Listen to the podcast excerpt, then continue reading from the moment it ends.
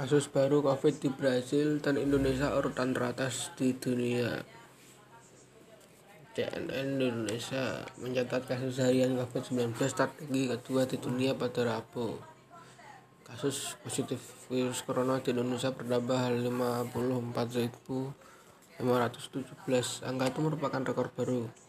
Berdasarkan data statistik Worldometer, Brasil menempatkan menempati urutan tertinggi negara dengan kasus varian COVID terbanyak yaitu 57.664 orang. Sementara urutan ketiga ditempati Inggris dengan 42.302 kasus.